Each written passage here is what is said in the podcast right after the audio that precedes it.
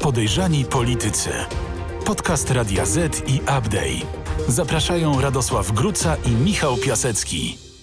Tłuste koty miały wylecieć z PiSu, a okazuje się, że Andrzej Jaworski, e, który jeszcze niedawno był zawieszony w prawach członka PiSu, dzisiaj ma dzielić i rządzić na terenie Gdyni.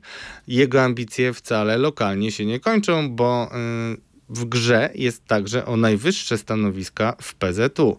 Dzisiaj w podejrzanych politykach naszym gościem będzie Mariusz Gierszewski, Radio Z. Witam wszystkich. Ale będziemy też rozmawiać o sprawie, z której nie należy sobie żartować, bo jest bardzo poważna.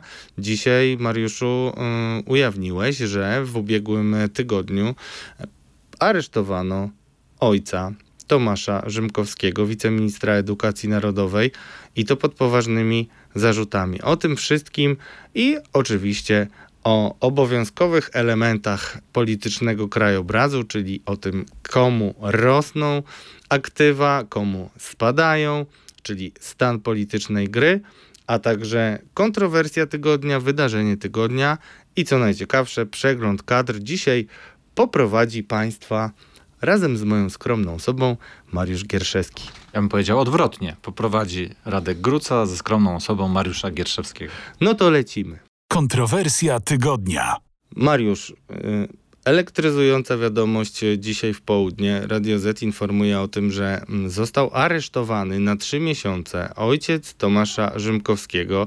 Zarzuca mu się przestępstwa seksualne. Ty się dowiedziałeś, y, że taka sytuacja miała miejsce, ale jakoś policja w Kutnie, która dokonywała według naszych nieoficjalnych informacji zatrzymania oraz prokuratura w Łodzi Nadzorująca prokuraturę w Kutnie. Nadzorująca prokuraturę rejonową nabrały wodę w usta.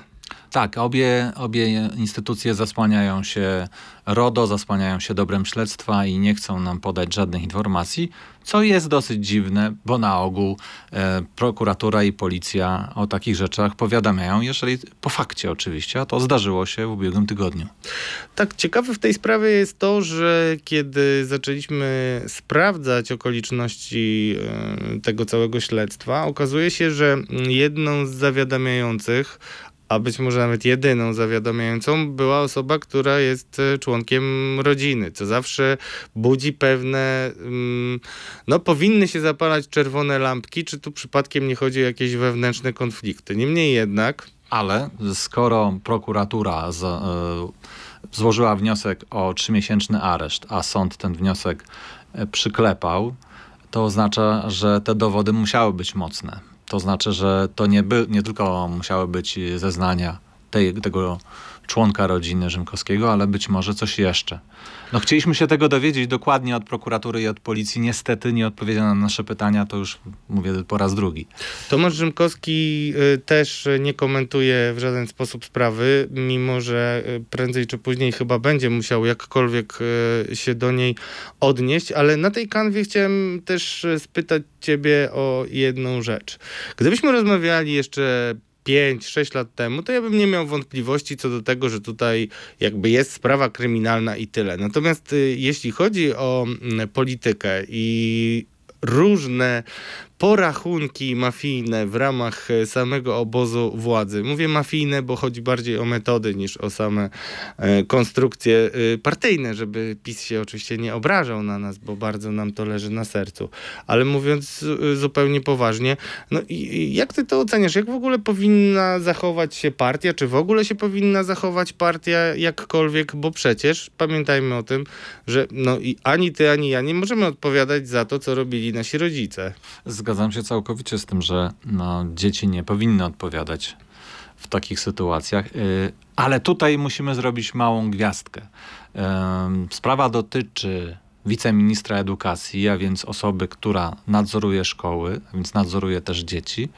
Musimy też pamiętać, że y, to wszystko dzieje się w momencie, kiedy toczy się bój o nowy podręcznik, co nazwany HIT, gdzie też jest Historia mowa i teraźniejszość, w którym między innymi, drodzy Państwo, co, o czym rozmawialiśmy e, w ubiegłym e, tygodniu, yy, Minister Czarnek twierdzi, że dzięki temu podręcznikowi dowiedzą się młodzi ludzie o tym, że w 1968 roku do głosu dochodzili pedofile, którzy dzisiaj są w Unii Europejskiej, a czasami nią rządzą. To taka tylko y, na tle tej całej historii no, y, wypowiedź, która pewnie się będzie odbijać y, czkawką. Ale Mariusz, ja no bym... No tak, ale bo w, właśnie w świetle tych dwóch faktów może należałoby się zastanowić, czy minister Rzymkowski, wiceminister Rzymkowski mm, no nie powinien zawiesić swojego, swojej działalności w ministerstwie do czasu wyjaśnienia tej całej sprawy.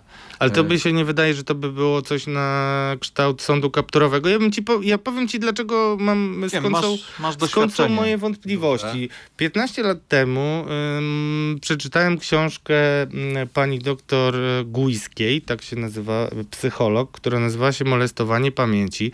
I wiem, że ta y, książka zrobiła spore zamieszanie w sądach o tyle, że do momentu jej publikacji sądy wręcz bym powiedział niewiele przesadzając, bezkrytycznie podchodziły do różnych oskarżeń, opinii psychologów itd., tak itd. Tak Tymczasem na przykład w psychologii mm, e, już dzisiaj jest coś takiego, co nazywa się syndromem fałszywych wspomnień, co y, często pojawia się u osób, które mm, korzystają z pewnych rodzajów e, terapii, które ujawniają później, te terapie ujawniają wspomnienia o molestowaniu, które nie miało miejsca. Ja chciałem ci przypomnieć jako kinoman, że 10 lat temu w filmie Polowanie Tomasa Winterberga, takiego duńskiego reżysera, Mats Mikkelsen, który zresztą za rolę w tym filmie dostał Złotą Palmę, grał człowieka, który został oskarżony o molestowanie. Całe miasteczko się od niego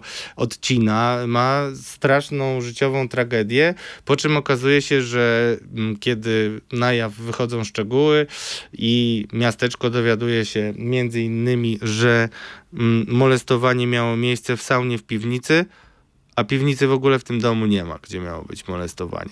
Więc jakby. Y, mm, no, mm. Rozumiem, co chcesz powiedzieć, że trzeba bardzo ostrożnie podchodzić zawsze do takich e, e, historii, e, takich zarzutów. E, no niemniej, e, jak zwykle, no, jest jeszcze prim gwiazdka. Prokuratura zdecydowała o aresztowaniu ojca wiceministra na trzy miesiące. To znaczy, że dowody ją przekonały. To znaczy, że ta sprawa wygląda bardzo poważnie. Hmm, oczywiście yy, możemy zakładać, że równie dobrze do tej sprawy doszło, jak i nie doszło. Nieoficjalnie wiemy, że rodzina wspiera wiceministra, jest po stronie ojca yy, i odrzuca te te zarzuty stawiane przez jednego z członków e, tej rodziny. Mm, no, rzeczywiście jest to sprawa bardzo delik- do której trzeba podchodzić bardzo, bardzo delikatnie. E, ale też zastanawiające jest zachowanie wiceministra, z którym staraliśmy się to też wielokrotnie skontaktować, który starał się nas y, jakby unikać, chować głowę w y, piasek. A ty co byś zrobił, gdybyś był takim wiceministrem? To jest problem, bo ja zacząłem się zastanawiać nad tym, a znam naprawdę historię ludzi. Nie mówię, że tutaj jest taka sytuacja. I zresztą poniekąd Tomasz Rzymkowski staje się ofiarą jak, po pierwsze retoryki obozu, bardzo takiej twardej i bezkompromisowej. I ja nie wiem, teraz jak y, powiedziałeś y, a propos dowodów prokuratury, no była głośna sprawa syna Jacka Kurskiego, opisywana y, przez dziennikarzy Gazety Wyborczej, gdzie prokuratora odmawiała śledztwa. No i zrobił się z tego duży skandal. Tak naprawdę sprawa jest do dzisiaj nierozstrzygnięta, chociaż procesowo już nie jest moż możliwe jakiekolwiek jej rozstrzygnięcie i tak dalej. I ja się zastanawiam, bo nie wiem, czy ty to widzisz, ale ja widzę, że prokuratura najbardziej unika e, sytuacji takich, w której można by było jej zarzucić, e, że oszczędza e, swoich, a często to robi. Natomiast jeśli chodzi o kaliber zarzutu taki jak pedofilia, no to być może ktoś się obawiał, że informacja, która notabene chodziła od kilku miesięcy o tym, że takie postępowanie w ogóle wokół Tomasza Rzymkowskiego, rodziny jest e, prowadzone, czy ktoś przebiegły e, nie pomyślał, że lepiej jest faceta aresztować, żeby nikt nam potem nie powiedział, że my czegoś nie zrobiliśmy. No i to jest cała jakby kontrowersja w, w postępowaniu prokuratury i powiem szczerze, drodzy Państwo, że ja nie mam gotowej tutaj recepty. Samo, jak to no, powinniśmy oczywiście. robić. Powinniśmy o tym. Natomiast na pewno ta sprawa jest bardzo ważna i jakby społeczny cel e, publikacji, który zawsze nam w Radiu Z e, przyświeca, zanim podejmiemy decyzję o tym, czy coś emitować, e, no, polega na tym, że mamy po pierwsze sytuację wielu wątpliwości co do postępowań dotyczących pedofilii w kościele, gdzie no, powszechnym wrażeniem jest to, że minister Zbigniew Ziobro, prokurator generalny, no, mm, mówiąc delikatnie, niespecjalnie ciśnie prokuratorów, żeby stawiali, akty, żeby stawiali zarzuty i kierowali akty oskarżenia. Na tym tle nie widać jeszcze tej drugiej problematyki. Mogę Państwu powiedzieć, bo specjalnie e, analizowałem i rozmawiałem e, z ludźmi z Komisji do Spraw Pedofilii, e, którzy analizują, ekspertami, którzy analizują różne sprawy dotyczące pedofilii i oni mówią, że poziom prokuratorów e, w sprawach dotyczących zarzutów o pedofilię czy molestowanie seksualne jest bardzo różny. A nawet do tego stopnia jakby widać no, różnice w podejściu, że czasami prokuratorzy nie potrafią nawet dobrze skonstruować pytań do biegłych. Sami biegli są problemem. Już y, przypomina się od razu y, historia Newsweeka i Kolegium Humanum o tym, jak się masowo produkuje psychologów. No, widać, że tutaj mamy stajnie Augiasza, więc y, być może to jest dobry moment, żeby zrobić jakąś debatę generalnie o podejściu do przestępstw seksualnych, którą PiS próbował moim zdaniem zdusić. Nie, no to co mówisz jest, jest przerażające, jeżeli taki, takie, miejsce, takie fakty mają miejsce. E, ale trzeba też powiedzieć, że PiS sam e, stawia się tutaj w tej historii, tak? Bardzo, jako partia. E, dzieląc społeczeństwo i podsycając pewne bardzo niefajne nastroje. I wracając do Twojego pytania, które zadałeś chwilkę temu, co ja bym zrobił jako wiceminister? No, jeżeli wiceminister E, wiedział już od kilku dni e, o fakcie zatrzymania, postawienia zarzutów e, swojemu ojcu, to powinien przygotować odpowiedni statement, powinien wypuścić być może z jakiś komunikat, w którym opisałby całą sytuację a nie udawać, że, że tego nie ma, a nie udawać, że historia się gdzieś rozmyje i nigdy nie wyjdzie bo to w dzisiejszych czasach jest niemożliwe. No jest niemożliwe i, i byłoby chyba szczytem naiwności, o którą nie podejrzewam e, Tomasza Rzymkowskiego, e, myśleć, że tak będzie. Aczkolwiek jest jeszcze jedna kwestia. No, wybory są zapasem. Tomasz Rzymkowski politycznie na tle szczególnie swojego pryncypała Czarnka wydaje się być takim racjonalnym politykiem, e, konserwatywnym więc potrzebnym, żeby e, budować przeciwwagę dla Zbigniewa Ziobry, który często konserwatywnymi tematami mocno gra. On jest sceptyczny wobec Unii Europejskiej, ale jednak no, nie ma takich odlotów, jak jego e, pryncypał e, Przemysław Czarnek. I teraz no ciągle na, osobiście mówię jeszcze raz, Sześć lat temu nie miałbym e, takich e, rozważań i wątpliwości, ale dzisiaj, kiedy ta polityka w działaniach prokuratorów jest e, widoczna no, w zasadzie codziennie, kiedy Zbigniew Ziobro zmienił ustawę o prokuraturze i może jednoosobowo decydować o wszystkim, w związku z czym cała odpowiedzialność jest jego, no gdzieś to pytanie trzeba zawiesić. I na pewno, drodzy Państwo, ta historia się jeszcze mm, długo nie skończy no, należy współczuć rodzinie, przynajmniej ja współczuję rodzinie, ja no bo, bo, bo to rzeczywiście jest sytuacja nie do pozazdroszczenia. I jedną rzecz, którą mogę odpowiedzialnie powiedzieć, to to, że jeżeli y, pierwsze informacje do mnie na ten temat docierały na pewno na początku roku, w styczniu, lutym, to mm, widać wyraźnie, że Tomasz Rzymkowski w żaden sposób nie powstrzymał e, śledztwa, nie zostało skręcone, zwinięte i tak dalej. Więc takiego zarzutu na, e, do tej pory w żaden sposób nie można było stawiać. Co będzie dalej? Na pewno możemy powiedzieć, że jeżeli Tomasz Rzymkowski będzie chciał się wypowiedzieć, to nasza antena jest dla niego otwarta. Stoi otworem. I to bez żadnego ferowania wyroków a priori, mm, po prostu warto zabrać głos, panie e, ministrze, e, tym bardziej, że podkreślamy zgodnie, że nie będziemy e, rozliczać dzieci za ewentualne, podkreślmy, ewentualne, bo to są dopiero zarzuty, czyli nie ma jeszcze żadnego aktu oskarżenia, jeszcze dużo się może wydarzyć. Także będziemy monitorować tę sprawę dalej. Jasne. Wydarzenie tygodnia. Wydarzeniem tygodnia jest obecnie nowy rozkład sił w Prawie i Sprawiedliwości, e, partyjne porządki mm, latem, e, zaordynowane przez Jarosława Kaczyńskiego, poświęcimy im osobną, mm, osobny wątek w kolejnym naszym rozdziale kadr dotyczącym. Kopalnia, kopalnia. Kopalnia w ogóle. Tak. Ale y, jest jeszcze jedna rzecz, której nie można pominąć i która w moim przekonaniu y, spycha wszystkie inne na dalszy plan. Chodzi o kolejne maile e, ministra, szefa kancelarii premiera Mateusza Morawieckiego, Michała Dworczyka. Ty dużo ciekawych y, opinii usłyszałeś o samym Michale Dworczyku, ale zacznijmy od meritum. No, Michał Dworczyk pisze do swojego pryncypała, że był właśnie u Julii P., i to nie jest y, y, trudne do rozszyfrowania, kim jest Julia P., magister Julia Przyłębska, prezes Trybunału nazywanego przez y, krytyków Trybunału Trybunałem Julii Przyłębskiej mm, i co tam sobie ustawiali, u, u, u, umawiali, Mariuszu? No, umawiali, jak odsuwać pewne orzeczenia, które są zbyt kosztowne dla rządu, tak? Jak je odsuwać w czasie, aby one, one nie obciążyły budżetu.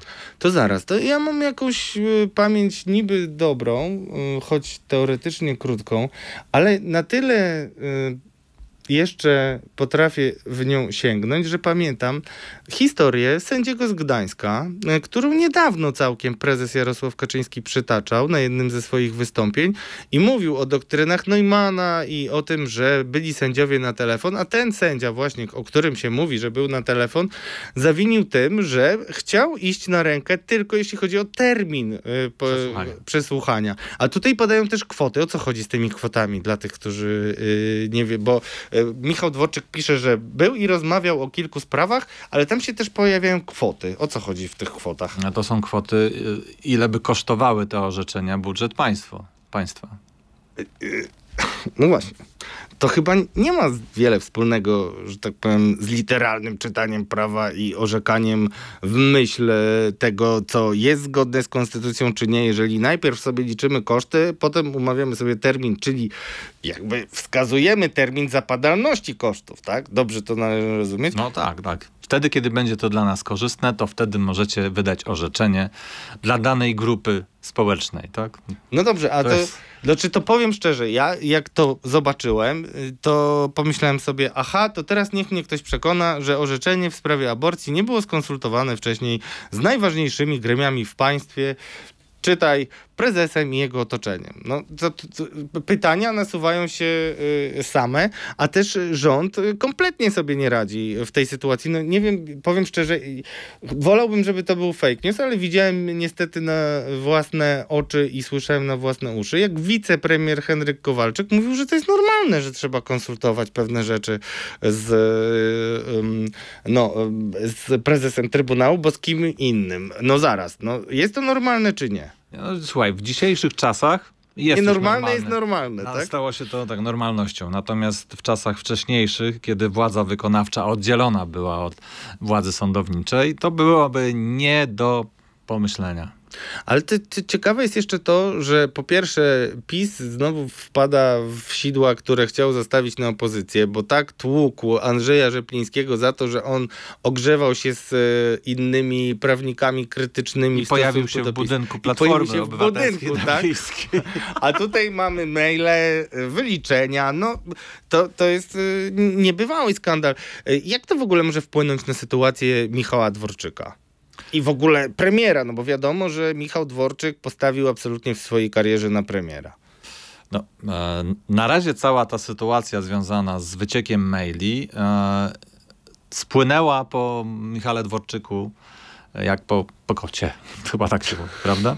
Spłynęła i niewiele mu zrobiła, to znaczy on się obronił. To, e, ta linia obrony, e, którą, którą trzyma rząd, że są to nieprawdziwe informacje, że są to fake newsy i że stoją za tym rosyjscy hakerzy. Taka mantra, powoduje, która się pojawia tutaj, to jest zawsze wybija tak. dajecie się wkręcać tak, rosyjskiej tak. dezinformacji. Michał Dworczyk był bardzo oburzony na naszą koleżankę Beatę Lubecką, która go pytała w gościu Radio Z o, o, o kwestię maili, bo on, o, najchętniej, nie dziwimy mu się, uznałby ją za e, zamkniętą na zawsze.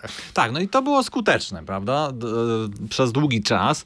Nawet wtedy, kiedy wyszedł ten e, mail Dworczyka dotyczący funduszu operacyjnego Agencji Wywiadu, kiedy pojawiły się takie głosy, że prawdopodobnie przekroczył pewną granicę poufności e, informacji zawartych w mailu.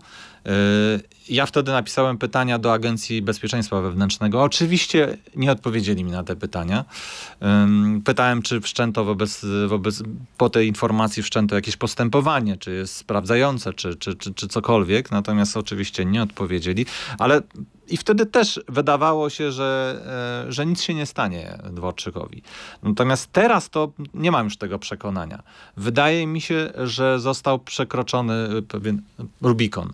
Bo jeżeli rozmawiam z politykami PiSu i oni używają bardzo niewybrednych słów wobec Michała Dworczyka. Y, wręcz mówią, że wręcz takiego porównania używają, że skoro Michał Dworczyk miał w swojej historii taką wpadkę, kiedy jako harcerz Mm, okazało się, że w piwnicy gromadził. To taka wpadka, która mogła się skończyć wielkim boom. No, i, zresztą skończyła się chyba sprawą sądową i skazaniem nawet. Kolekcjonował tak. materiały wybuchowe to, że porównują to do tej sytuacji. Właśnie Michał Dworczyk w piwnicy pod e, Prawem i Sprawiedliwością umieścił tykającą bombę. E, może ona teraz jeszcze nie wybuchnie, ale może w przyszłości wszystko rozsypać. I naprawdę e, Tutaj, tutaj, tutaj Michał Dworczyk chyba już jest praktycznie przekreślony politycznie po tej sprawie. E, oczywiście to się nie zdarzy od razu, to się nie, nie zdarzy szybko, ale kiedy dojdzie do układania list, do kolejnych wyborów, nagle może się okazać, że Dworczyk, dla Dworczyka nie ma miejsca. Zwiastunem tego, że jednak e, wpływy premiera, no, mówiąc e, eufemistycznie, nie rosną, jest e, też to, w jaki sposób skonstruowano listę pełnomocników, którzy mają wprowadzić nowe porządki w partii i między innymi rozruszać trochę tłuste koty. O tym już za chwilę, ale chciałem cię spytać, jak y, uważasz, powinna zareagować na to opozycja i czy może być jeszcze tego ciąg dalszy? Julia Przyłębska y, wychodzi i mówi, że nigdy nie uzgadniała żadnych y, treści wyroków, a, na Twitterze już pojawiają się komentarze, że znowu jest tutaj stosowana stara metoda, czyli dementujemy rzeczy, o których o nas nie napisano, tak? Bo nikt nie pisał i, i nie wynika wprost oczywiście nie wynika z maili, że ustalono czy podyktowano e, wyrok Trybunałowi, ale e, no już samo mm, uzgadnianie terminu było przez samego prezesa Jarosława Kaczyńskiego piętnowane i pokazują, y, było pokazywane jako przykład tej patologii, która była za platformę. A okazuje się, że patologia rozwija się i to jeszcze w sądzie y, prawie, że tak powiem, najwyższym, no, kluczowym, oceniającym ustawę zasadniczą. Znaczy myślę, że tak, po pierwsze my nie jesteśmy od tego, żeby udzielać rad y, opozycji, ale ja przynajmniej oczekiwałbym, że opozycja tej sprawy nie zapomni i jeżeli kiedyś będzie mogła, to tę sprawę rozliczy. To ona powinna być na samym początku listy wielu, wielu spraw, które powinny być rozliczone, ale to powinno być rozliczone czy wyjaśnione. To powinno być przede wszystkim. To jest patologiczny przykład psucia państwa i rozmontowywania państwa. No w każdym no, myślę, że najgorsze jest jeszcze to, że teraz próbuje się to usprawiedliwiać i to po słowach e, prezesa, ale dobrze będzie, żebyśmy e, ocenili to w następnej części naszego programu, czyli stanie gry. Stan gry. Czas na stan politycznej gry, y, gdzie niczym na giełdzie przyglądamy się, komu aktywa rosną, y, komu stoją w miejscu bezpiecznie lub niebezpiecznie, a komu lecą na łeb, na szyję.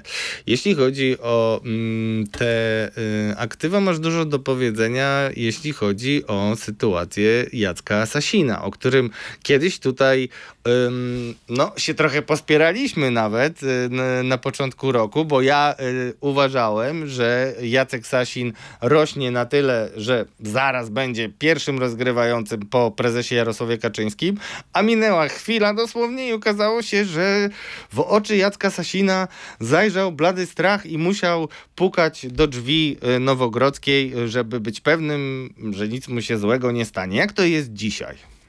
E, Dzisiaj Jacek Sasin e, troszeczkę się jest wycofany, to, to znaczy e, zauważył, że powstał tu alians między Danielem Obajtkiem a Mateuszem Morawieckim, który cieszy się jakimś tam uznaniem Nowogrodzkiej, właściwie może nie Nowogrodzkiej, prezesa Jarosława Kaczyńskiego, więc Jacek Sasin troszeczkę się wycofał, ale zaczął zwierać szyki i zaczął też budować pewien, swo, pewną swoją grupę. Można to można nazwać, że to są e, starzy e, mm, politycy PiSu. Mm, o, zaczął od tego, że zaczął organizować spotkania i namawiać posłów, polityków PiSu, aby przyjeżdżali do niego do mapu. Te spotkania no, zamieniły się w takie trochę masówki przeciw e, Mateuszowi Morawieckiemu. Właśnie tam rozmawiano o tym, że ma za duże wpływy, że otoczenie Morawieckiego, że jego młodzi asystenci mają za duży wpływ na kształt polityki, na kierunek, w którym, w którym zmierza, do którego zmierza Prawo i Sprawiedliwość. Mm, oczywiście to wszystko było tak po cichu, w zaciszu powiedzmy gabinetów. Mm, Natomiast no, pojawiły się tam bardzo ważne pers- persony, jak była e, pani premier. E, Beata Szydło, dokładnie.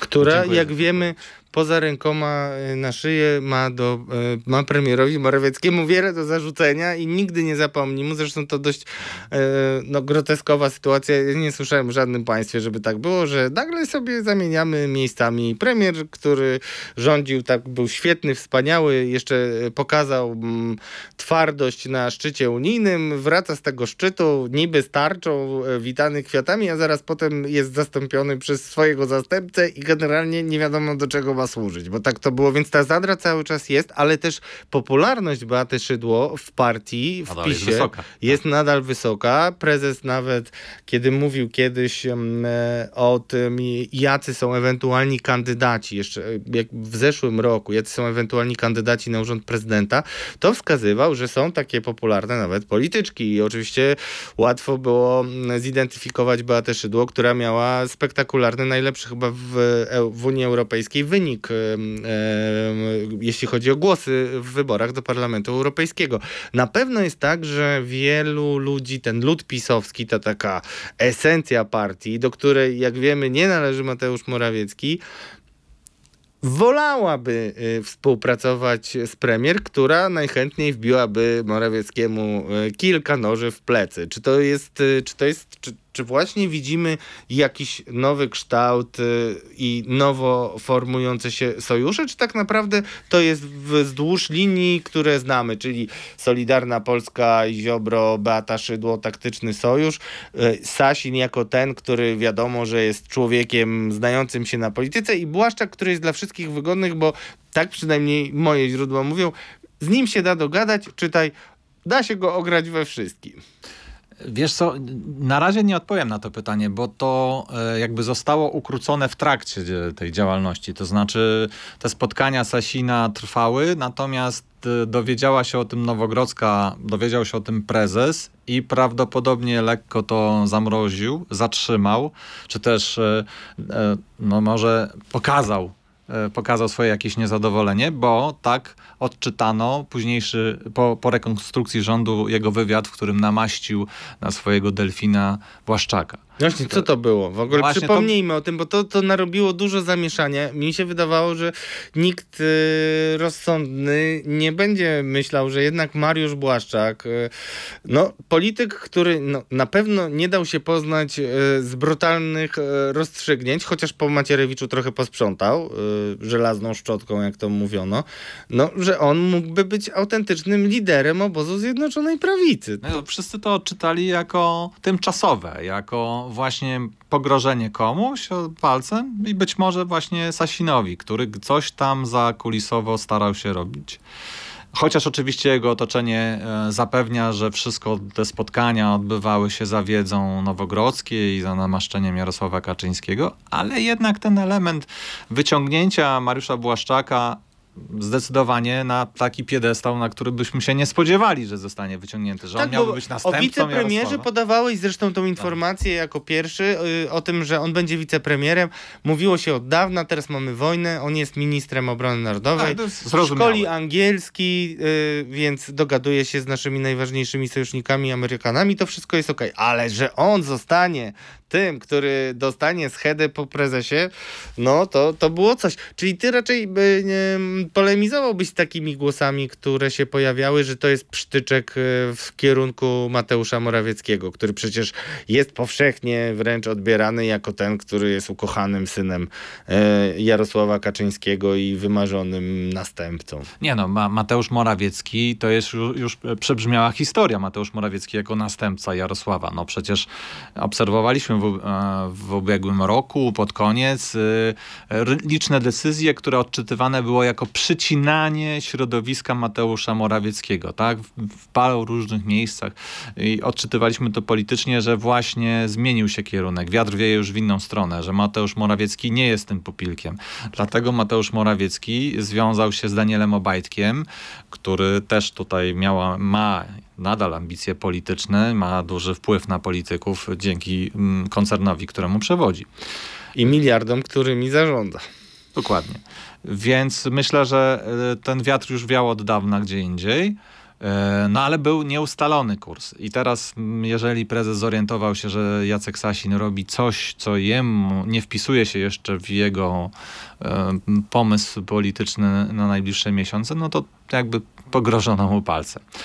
Ale tu jest jeszcze jeden element bardzo ciekawy. Mm, otóż podobno do spotkań polityków PiSu miałoby dochodzić, padła taka propozycja, na poligonach, na ogniskach, na które mieliby być zapraszani, gdzieś na poligony.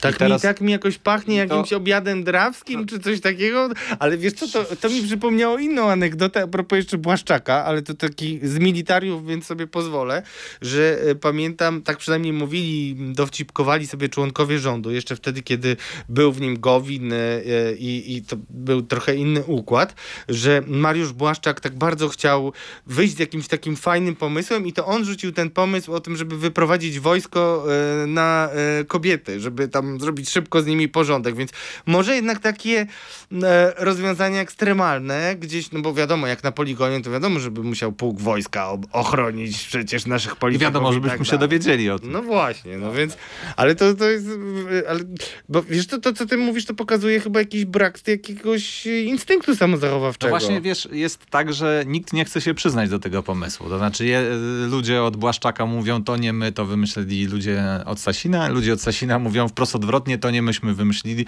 bo oczywiście wszyscy przy, mówią, no nie, jak to nie, to nie mogło dojść do skutku, przecież to od razu było widać, że to jest duży błąd polityczny, gdyby coś takiego się zdarzyło.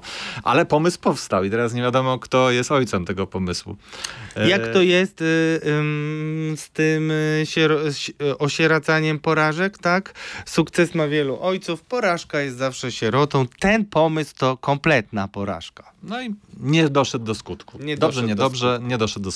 Ale to, co ty mówisz, pokazuje, że mm, dzisiaj jednak ym, chyba najwięcej atutów, jeśli chodzi o takie poparcie wewnątrzpartyjne, ma Jacek Sasin, bo jeżeli on umie kilkadziesiąt osób zwołać sobie na spotkanie, które jest jednoznacznie konfrontacyjne w stosunku do Mateusza Morawieckiego, no to to jest coś. Plus dorzucam od siebie taką informację, że jednak Jacek Sasin systematycznie y, w rozmowach, gdzie jest oczywiście po imieniu z prezesem Jarosławem Kaczyńskim, uzgadnia nawet najdrobniejsze mm, e, swoje decyzje. Chociaż co do tego mam pewne wątpliwości, bo z tego co słyszałem, miał tyle różnych aplikacji o różne spółki, że musiał oddelegować y, y, te kompetencje na ministra Śliwkę, który zresztą miał tropić te tłuste koty.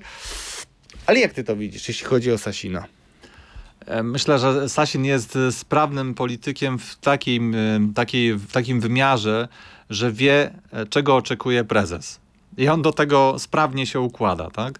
Yy, oczywiście on zrozumiał, że, mm, że ostatnio zostaje w tyle, on zrozumiał, że ostatnio jest trochę na bocznym torze i dlatego zaczął apelować do tego, tego starego PiSu i szukać tam jakichś sojuszników. Yy, no, no, na razie to zostało jakby przerwane. Zobaczymy, co będzie dalej. Na pewno sytuacja jest dynamiczna, ale też zwraca uwagę to, jeśli chodzi o porządki mm, partyjne, że praktycznie wszyscy pretendenci do schedy mm, dostali y, swoje poletka do zagospodarowania, zostali pełnomocnikami, zarówno Mateusz Morawiecki, jak i Elżbieta Witek, o której się też mówiło, że może ewentualnie zastąpić y, szefa rządu, gdyby wszystko mu się już posypało, chociaż nie wiem, co mu się jeszcze więcej może posypać, y, czy też właśnie Jacek Sasin, E, Mariusz Błaszczak, no, oni wszyscy, nikt nie może powiedzieć, że y, został pominięty w tym wszystkim. No Czy przecież jest... prezes Jarosław tak rządzi, żeby właśnie troszeczkę podnieść tu, a potem komuś podnieść, a potem jeszcze komuś podnieść i tak cały czas o tutaj opuścić. To jest cały balans, cały czas balansuje, tak, żeby utrzymać tą swoją gromadkę. No tak, tylko że ja, ja tak się zacząłem zastanawiać. Oczywiście yy, nasi słuchacze znają zasadę balansu, czyli dodamy komuś tutaj, znaczy dodamy Sasinowi taką, kom, taką spółkę, taką kompetencję, odbierzemy Błaszczakowi, potem odwrotnie, ze zbrojeniówką na przykład tak było, bo przecież zbrojeniówka teraz teoretycznie podlega e, Jackowi Sasinowi, a przecież decyzje yy, personalne wskazują na to, że jednak tam rządzą ludzie yy, Mateusza Błaszczaka. Jak ty ze Mariusza swoim... Błaszczaka. Mariusza Mariusza Błaszczaka, przepraszam, widzicie Państwo, otóż e, Mariusza Błaszczaka. E, mm, jak ty oceniasz po siedmiu latach e, rządów Jarosława Kaczyńskiego, czy to, czy takie mm, jednak dość, no bym powiedział, mm, proste myślenie o niwelowaniu wpływów i tak dalej może przynieść y, nowy porządek w partii i, i, może spowodować, że partia będzie prężna, bo widać, że gdzieś tam oni ugrzęźli, gdzieś tłuste koty y, nie bardzo się rwą do tego, żeby łapać kolejne myszy, czyli głosy wyborców. Nie, no to jest, to jest y, konsekwentny pomysł Jarosława Kaczyńskiego na rządzenie tą partią. To znaczy, osłabiliśmy trochę starych baronów, którzy teraz przyjdą na kolanach i będą prosić. I wzmocnimy nowych, młodych, którzy też będą nam wdzięczni za to, co, co dostali i też będziemy mogli nimi manipulować. No, to jest typowe dla Jarosława Kaczyńskiego. Jak do tej pory się to sprawdza.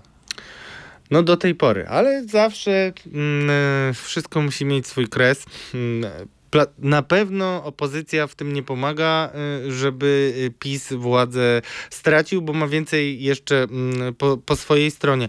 Ale czy ty dostrzegasz i myślisz, że y, zgadzasz się z moją tezą, którą mam, że największym zagrożeniem dla PiSu jest sam PiS i właśnie chaos w tej partii i właśnie wewnętrzne porachunki, w których no, nie bierze się jeńców, mówiąc oględnie. No i, i odwrotnie, największym zagrozzeniem dla opozycji jest sama opozycja. A to prawda. Nie mrawa i, i nie potrafi wyjść z tego rogu, do którego zapędził je Jarosław Kaczyński. E, natomiast no nie chcesz być wróżbitą. Nie chcę być wróżbitą, tak. Trudno. Wszystko dzieje się dzisiaj tak szybko, że możemy za dwa tygodnie obudzić się w zupełnie innej rzeczywistości. To prawda, a dochodziły do ciebie jeszcze takie informacje, o których dużo się mówi, jeśli chodzi o zmęczenie prezesa, bo e, to jest warte do poruszenia. E, prezes e, podczas no, tego pierwszego weekendu, że tak powiem, tournée po Polsce, pomylił Mejzę z Brejdzą, pomylił Inowrocław z Włocławkiem. To są takie lapsusy, które każdemu, nawet członkowi męsy mogą się w ferworze przydać zdarzyć, ale... prezesowi się nie zdarzały. No właśnie, prezesowi się nie zdarzały, chociaż zdarzały się mu na przykład dwa różne buty na konwencji i, i TP, więc... Ale znaczy... to przypisywaliśmy temu, że w ogóle tak prezes nie zwraca uwagi na te nasze zewnętrzne, prawda, cechy. U, ubiór, samochód, y, telefon, dom. No nie, to prezesa to nie Tak, interesowało. prezes jest ponadto z pewnością, Tak. e, ale e, zastanawiające jest, że z jednej strony e, są coraz częstsze plotki, nie tylko od takich powiedzmy no, sceptycznie patrzących na prezesa polityków, jak ta młodzież Solidarnej Polski, która mówi o nim per dziadek, a tak słyszałem od niejednego z nich i nie jest to takie e, bardzo ciepłe e, sformułowanie, jeśli chodzi o e, dziadkowanie. No pytanie, czy prezes jest w stanie wytrzymać takie tempo i czy zwróciła moją uwagę jeszcze jedna rzecz. Ta uchwała, która była właśnie podjęta na rządzie, do której dotarł PAP, dotarł, czytaj, dostał zlecenie, żeby mm, to ujawnić. O tym to jest uchwała, którą w rządzie podjęto, e, żeby nie eksponować różnic e, zdań e, na zewnątrz. No to jest pewne kuriozum, ale zwraca moją uwagę jedno. Zobacz, kiedy prezes był na miejscu, i e, mógł obserwować wszystko z bliska, to jakoś tych uchwał nie było e, potrzeba. Dzisiaj, kiedy znowu zostali śmiertelni wrogowie, czyli przede wszystkim Zbigniew Ziobro i Mateusz Morawiecki, można się spodziewać, że te konflikty będą e, no, coraz bardziej się nakręcać i właśnie tak odczytuję tę uchwałę. Czy myślisz, że znowu zacznie się serial podjazdowej walki ministra, który ministra sprawiedliwości, który przypomnijmy, no, poczuł się tak pewnie, że nawet był skłonny się zakładać między innymi o bardzo kontrowersyjne w obozie rządowym kamienie milowe. To znaczy, że mówiąc wprost, e, Zbigniew Ziobro twierdzi, że e, Mateusz Morawiecki uzgodnił coś, o czym mm, Solidarna Polska ani żaden inny koalicjant, czy też minister e, w ogóle o tym nie wiedział. I ty i ja jesteśmy dziennikarzami już tyle lat, że wiemy, że zawsze przed y, wyborami parlamentarnymi w obozie władzy, czy tym, czy tamtym, czy innym, występują spękania. Im bliżej wyborów, tym one są szersze, większe i puszczają pewne opory y, i po to, żeby walczyć w jednym obozie między sobą. Więc y, myślę, że to, to zjawisko będzie narastać. Zbigniew Ziobro należy do jakby powiedzmy głodnych polityków, którzy muszą Wciąż wyrąbać tak, sobie tak. jeszcze swoje miejsce, więc e, a ma w tej chwili możliwości i ma narzędzia. Więc myślę, że jak to się mówi, będzie ciekawie.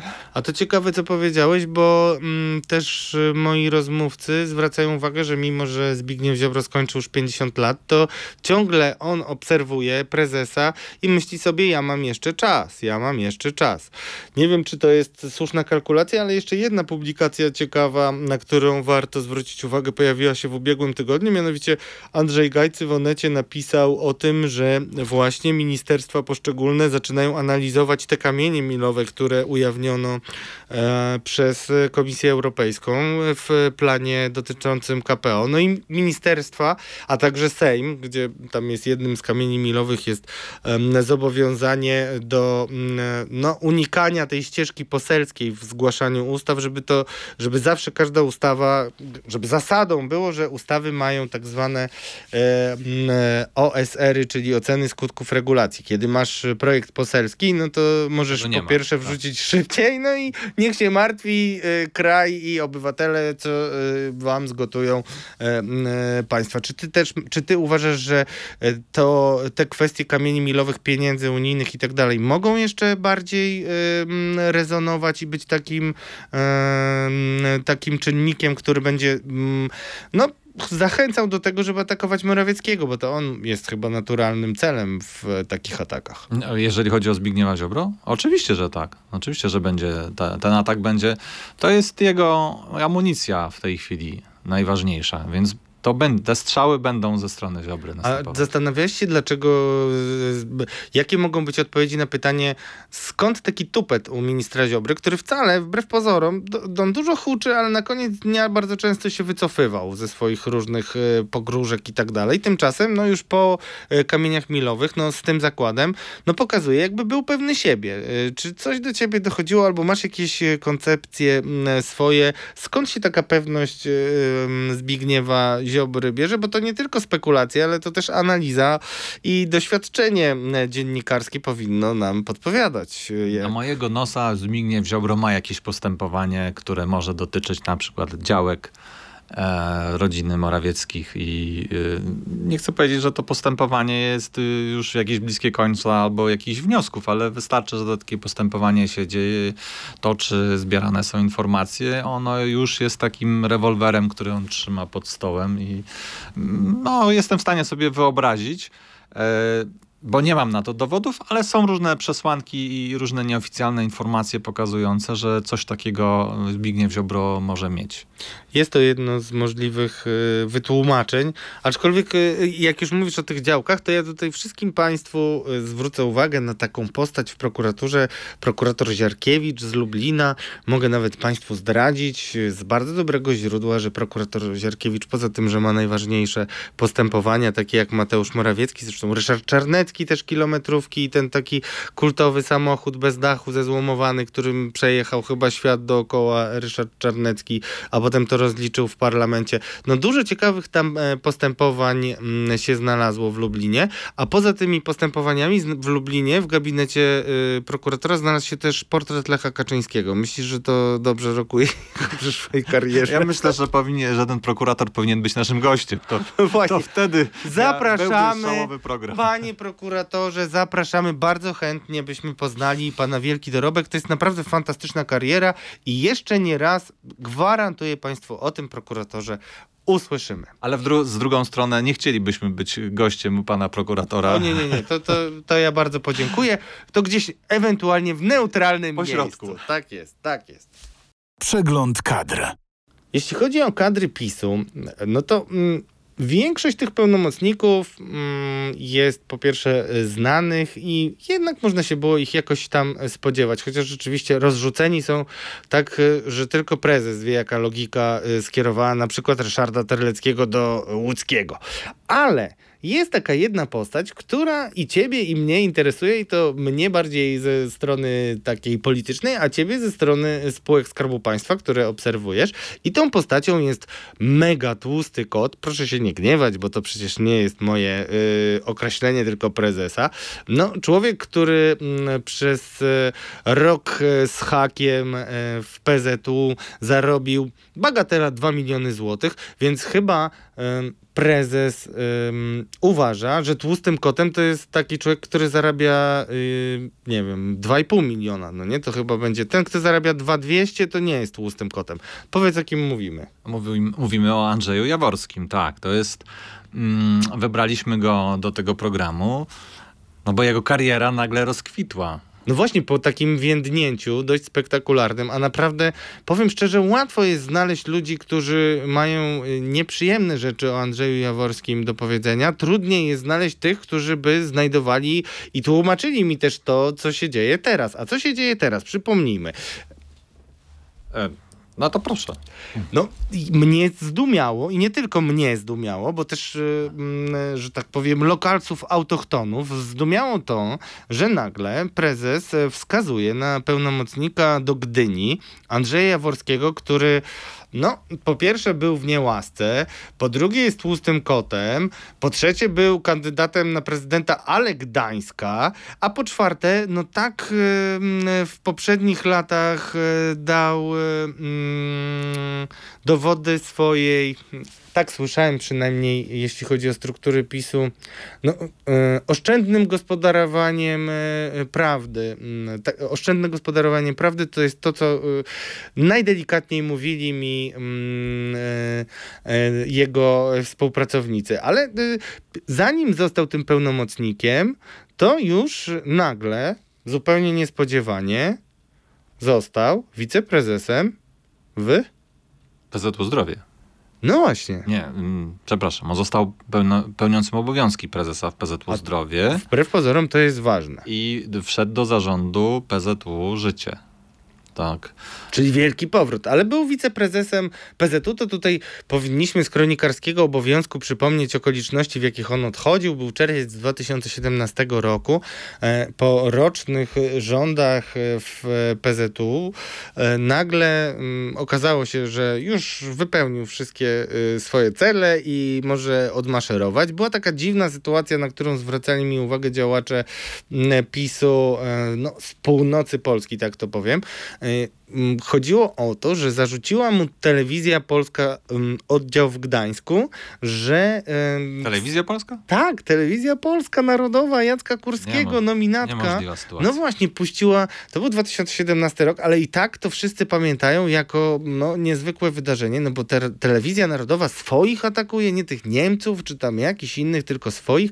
No i telewizja właśnie wskazywała, że on awansował, czy załatwił, czy e, wspierał, no nie wiem, jakie jest najbezpieczniejsze procesowo, panie Andrzeju, e, określenie, ale generalnie zarzucano panu, że to pan był spiritus movens obsadzenia e, w PZU Zdrowie swojej byłej asystentki. Pan oczywiście rzucił się słusznie do walki o swoje dobre imię i nawet słyszałem, że ten proces e, rozstrzygnął się na korzyść pana Jaworskiego. No ale to zwracało uwagę, bo jednak rzadko kiedy aż tak jednoznacznie działająca telewizja atakuje y, PiS. Y, kogo Może był jakiś sygnał, tak? No właśnie, no to pokazuje jakby jak to bardzo jest kontrowersyjna postać. I potem co się jeszcze dzieje? no Mm, nagle mamy 2018 rok, wybory, kandydatem e, w wyborach na prezydenta Gdańska jest Kacper Płażyński.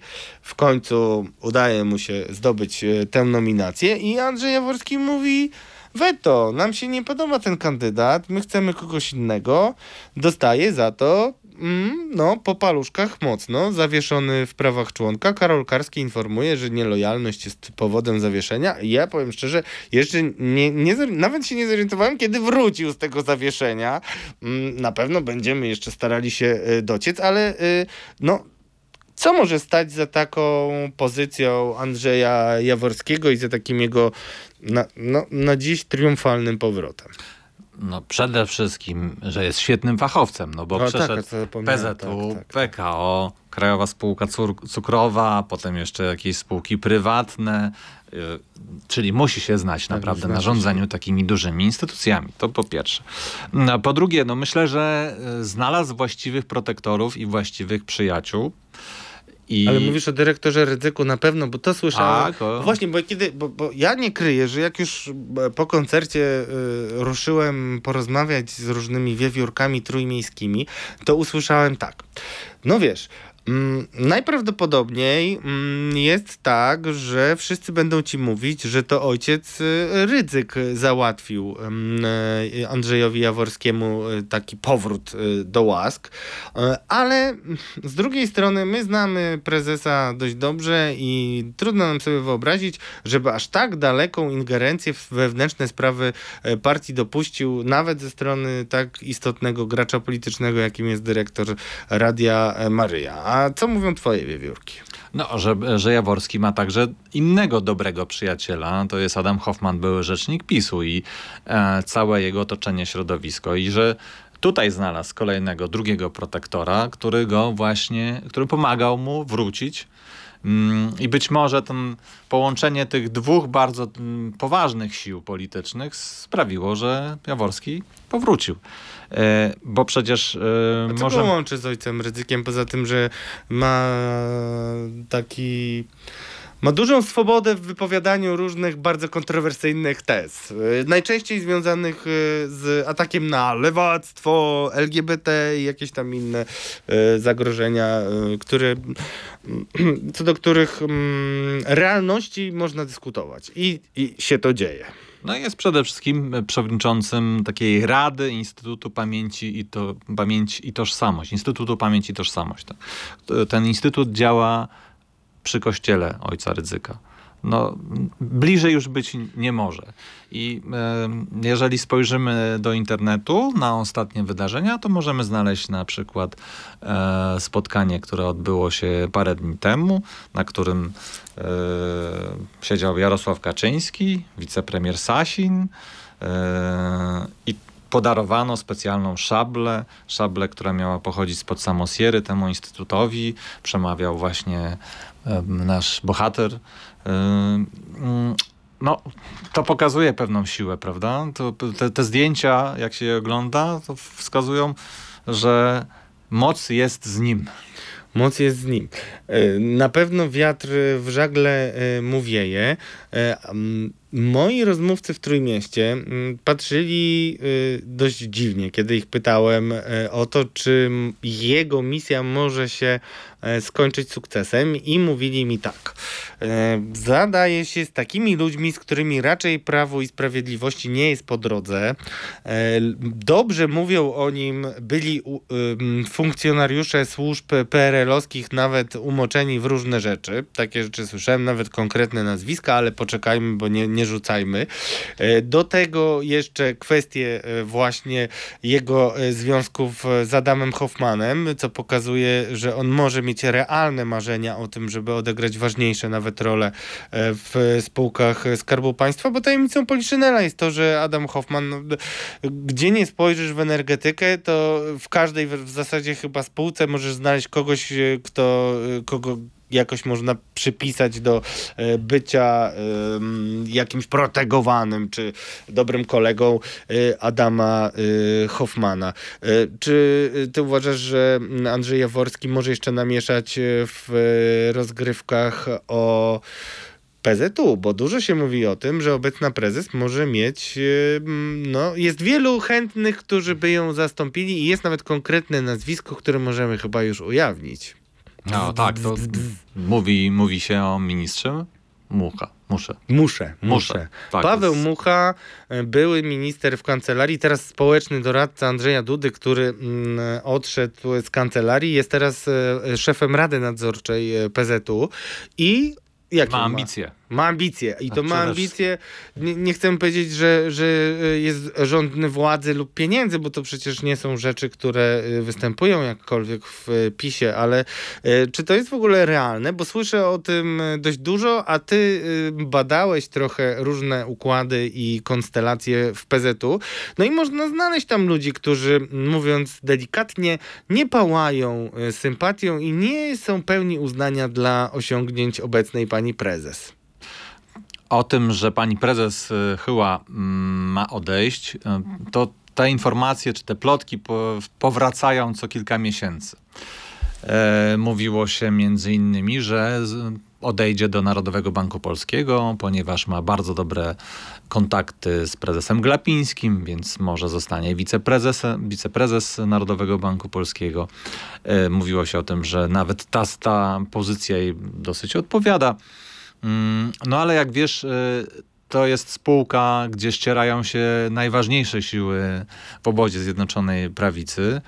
Mm, I z ostatnich informacji pani prezes Chyła znalazła nowego protektora, y, nowy parasol ochronny w postaci premiera Mateusza Morawieckiego, który też y, zaczął szukać sojuszników. Mm, więc zdaje się, że ta jej dymisja troszeczkę albo odeszła, albo na razie się odsunęła w czasie. E, chociaż tak jak powiedziałeś, już jest tam w przedpokoju e, minister Mucha. No przebiera nóżkami tak, że całe miasto o tym mówi. No.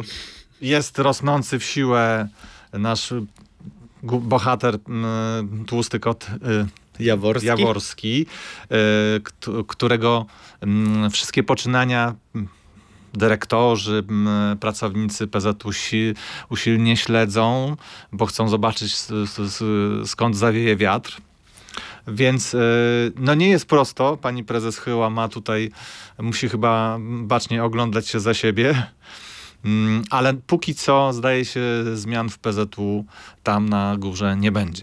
Ale jeszcze była taka historia, o której, której prawdziwość pewnej mierze udało mi się potwierdzić, mianowicie dużo się mówiło o takim raporcie, audycie wewnętrznym, który dotyczył e, tego, na co pieniądze przeznacza e, PZU, między innymi za pośrednictwem fundacji, ale generalnie różne sponsoringi i tak dalej. I mówi się o tym, że jeden z takich raportów przygotowany przez byłego szefa CBA, bo też tam znalazł szczęśliwie zatrudnienie, jest fachowcem niezbędnym i tak dalej. Więc on miał przygotować raport, w którym pojawiały się konkretne nazwiska polityków, którzy mieli być beneficjentami politycznymi, tak bym powiedział, różnych grantów czy też e, sponsoringu. Między innymi mówiło się o Tomaszu Porębie, który jest z Mielca, a tam kluby, klub sportowy z Mielca jest dość hojnie, zarówno zresztą przez e, e, Porębę, mm, no E, no Poręba bardzo się troszczy o ten klub, a pani e, kolejna wiceprezes, która też jest przez przypadek byłą polityczką i byłą szefową kancelarii prezydenta, Małgorzata Sadurska, widziałem jej zdjęcia, gdzie właśnie jako przedstawicielka PZU mówiła o tym, że, że bardzo PZU jest szczęśliwe, że pomoże Mieleckiemu e, klubowi, ale dementowano potem te informacje, to znaczy nie o samym raporcie. Moje źródła twierdziły, że żadnych nazwisk tam nie było. Być może e, nazwiska łatwo było wskazać po lekturze raportu, ale samych nazwisk e, tam e, nie było. Jak jeszcze osoby mogą tutaj być tymi szatanami, którzy są czynni, parafrazując y, y, prezesa, który kiedyś powiedział, że inni szatani są tam czynni. Mówi się o pewnym małżeństwie, które ma też duże aspiracje. Małżeństwie pana Piotra, demiurga, jak słyszę, PR-u i architekta, jednego z architektów, bo jednak wielu słyszałem już rości sobie prawo do tytułu architekta zwycięstwa, czyli pan Piotr Agatowski. No tak, mówisz tutaj o małżeństwie mm, Agatowskich, a więc y, pani prezes PZU Życie Aleksandra Agatowska, która no, Bardzo też, ambitna też osoba, miała, przekonana tak, o też, swojej też, sile. Y, też mówiło się, że starała się wejść na sam szczyt i zostać prezes całego PZU. E, I że ponieważ przez swojego męża ma duże wpływy na Nowogrodzkiej, mm, no, to też starała się tutaj zagrozić prezes, pani prezes Chyle.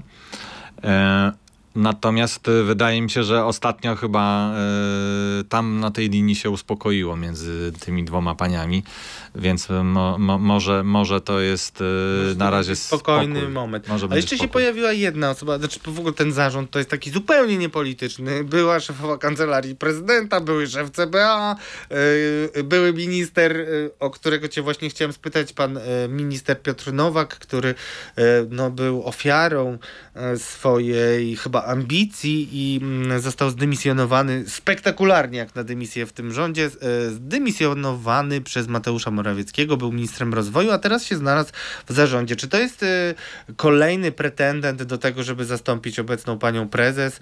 Wiadomo było, że jest człowiekiem e, Jacka Sasina, ale też było wiadomo, że w jakiś sposób zauroczył samego prezesa, o czym zresztą możecie posłuchać w jednym ze starych odcinków naszego podcastu, gdzie opowiadaliśmy o pewnym pewnym spotkaniu na cmentarzu. Wszystkim polecam ten podcast. Czy to jest taki czarny koń e, w talii wiceprezesów i apolitycznych już ekspertów? Wydaje mi się, że nie. Słyszałem, że jego notowania nie są za wysokie w tej chwili. E, więc e, ja bym go tutaj nie dopisywał do tej listy pretendentów i tych, którzy tam tupią nogami. E, żeby zostać Czyli taki prezesem. bardziej jakby spadochronik. Troszeczkę. W dobrym kolorze, tak. złotym. Troszeczkę tak. Do... Na osłodę Spokojna życia. emerytura. Tak, spokojna tak. emerytura. E, swoją drogą tak mi przyszło do głowy, e, zobacz jakbyśmy porównali PZU do PKN Orlen. W PKN Orlen nie wymienisz takich historii na razie. Jest jednowładztwo Daniela Obajtka, a w PZU, zobacz ile już naliczyliśmy różnych zakrętów i politycznych tam przed chwilą historii. Czyli to jakby dobrze świadczy o pozycji działacza partyjnego, jak sam się przedstawia y, Daniel Obajtek. No podobno ma startować w tak, wyborach. ma podobno startować, a poza tym to tajemnicą Poliszynela jest to, że zebrał takich takich dziarskich byłych oficerów służb, może to tłumaczy też jego bezpieczeństwo, bo y, między innymi odpowiedzialny za ochronę były policjant pan Lasek. Może właśnie to tłumaczy to, dlaczego tam żadne no, wraże siły się nie ujawniają, przynajmniej na zewnątrz. Czy ty to tak odbierasz? Bo dużo się o tym mówiło, o tych takich funkcjonariuszach w Orlenie, byłych i twardo dbających o bezpieczeństwo, nawet nie tyle Orlenu to od siebie dodam, co samego prezesa. Być może jest tak, że po prostu Daniel Obajtek sobie tą piaskownicę odpowiednio ułożył i wszystkie obce grabki powyrzucał. A w PZU jest odwrotnie. Jest masę różnych zabawek, y, które ktoś poprzynosił i pozostawiał. Mm, natomiast y, na pewno mogę powiedzieć, że y, ten stary PiS, ten zakon PiS jest no, bardzo rozgoryczony tym, w którą stronę idzie Daniel Obajtek i rozgoryczony tym, jak bardzo nie spełnił on oczekiwań E, które w nim pokładano. Jest duże niezadowolenie dotyczące Daniela Obajtka. Duże niezadowolenie, znaczy, bo chyba, chyba zbyt wielu by chciało być na jego miejscu, a poza tym no rzeczywiście jego y, pozycja y, jest... Y, Teraz no, w sojuszu z Mateuszem Morawieckim. No właśnie, a na czym polega ten sojusz i skąd, bo to też jest bardzo ważny, no ja bym nawet powiedział game changer, bo dopóki mówiono, zresztą pochwalę się, że sam pisałem o tym, że y, między innymi y, różne ruchy na początku y, ubiegłego roku były związane z tym, że Mateusz Morawiecki przestraszył się, że Daniel Obajtek może być fajniejszym kandydatem na premiera, no i wtedy wyglądało, że byli wrogami na śmierci życia. A okazuje się, że jest dzisiaj ten sojusz. Na czym to polega i dlaczego to jest ważne? Bo o tym jeszcze nie rozmawialiśmy w naszym Słuchaj, podcaście. Myślę, że to jest zjednoczenie się przeciwko czyli właśnie przeciwko Jackowi Sasinemu, Sasinowi, przeciwko być może y, staremu zakonowi PC. Y, to jest taki doraźny sojusz. Y, no, trzeba pamiętać, że Daniel Obajtek dysponuje dużymi pieniędzmi przez fundacje, stowarzyszenia i może realizować różne cele, które będą zbieżne z twoimi celami politycznymi. Czytaj celami Mateusza Morawieckiego. Mm, więc y, jest dobrym wehikułem dla Mateusza Morawieckiego. Chociaż oczywiście trzeba za, zawsze pamiętać, że to jest doraźny sojusz, który może się w każdej chwili rozpaść. Czas nas goni, więc nie będziemy wielu jeszcze wątków mogli y, podać, y, ale wróćmy do tej rozmowy. Ja jeszcze tylko jedną rzecz zauważyłem, zwrócono mi na to uwagę, że pani Beata Kozłowska-Chyła jest też przewodniczącą Rady Nadzorczej Lotosu. Więc być może mm, jednak kiedyś będą różne dyskusje międzyfrakcyjne, ale też chciałem się podzielić mm, takim wrażeniem, które przywożę z Trójmiasta, że Andrzej Jaworski miał być takim pomysłem, tak myślą ludzie z Trójmiasta, też z Gdyni, pomysłem na pogodzenie zwaśnionych różnych plemion tam na Pomorzu, ale raczej mm, czarno to widzą moi rozmówcy. I pytanie jest też o to, czy przypadkiem nie będzie to jakąś próbą pozyskania wsparcia grupy senatora Grzegorza Biereckiego i samych skoków. E, czy ty uważasz, że Grzegorz Bierecki e, i ludzie związani ze skokami mogą być jeszcze jakimś czynnikiem e, istotnym, bo trochę przycichła aktywność samych skoków, a, a z drugiej strony słyszę, że coraz więcej osób związanych z Grzegorzem Biereckim, jego jakiś tam wychowaniem gdzieś tam po cichu się umieszcza w spółkach Skarbu Państwa. Słuchaj, no skoki to są wielkie pieniądze i e, to znaczy, że to też jest przemożny wpływ polityczny. No być może e, przycichła cała afera ze skokami, miała przycichnąć i być może w tej chwili oni, wiesz, startują do lotu. No tak, uznali, że już karencja, tak, posypaliśmy głowę popiołem, czy tam wycofaliśmy się w cień, bo to jest zawsze takie wycofanie, potem są wielkie powroty, takie jak Andrzej Jaworski. Obiecujemy Państwu, że będziemy jeszcze się Andrzejowi Jaworskiemu przyglądać, bo bardzo dużo ciekawych informacji nam przekazano, ale trzeba je wszystkie zweryfikować. Naszym gościem podejrzany podejrzanych polityków. Był ten, który niejedno podejrzenie już zweryfikował negatywnie i pozytywnie. Mariusz Gierszewski, dziennikarz śledczy Radio Z. Dziękuję bardzo. Dziękuję bardzo za rozmowę. A ja nazywam się Radosław Gruca i pozdrawiam mojego współprowadzącego Michała Piaseckiego z aplikacji Update, który nie jest e, od niczego odsunięty, po prostu ma inne obowiązki i wraca do nas pewnie już w przyszłym tygodniu. Zapraszamy podejrzani politycy, jak co tydzień w środę. Do zobaczenia i do usłyszenia. Podejrzani politycy. Podcast polityczny przygotowywany przez dziennikarzy Radia Z i aplikacji newsowej Update.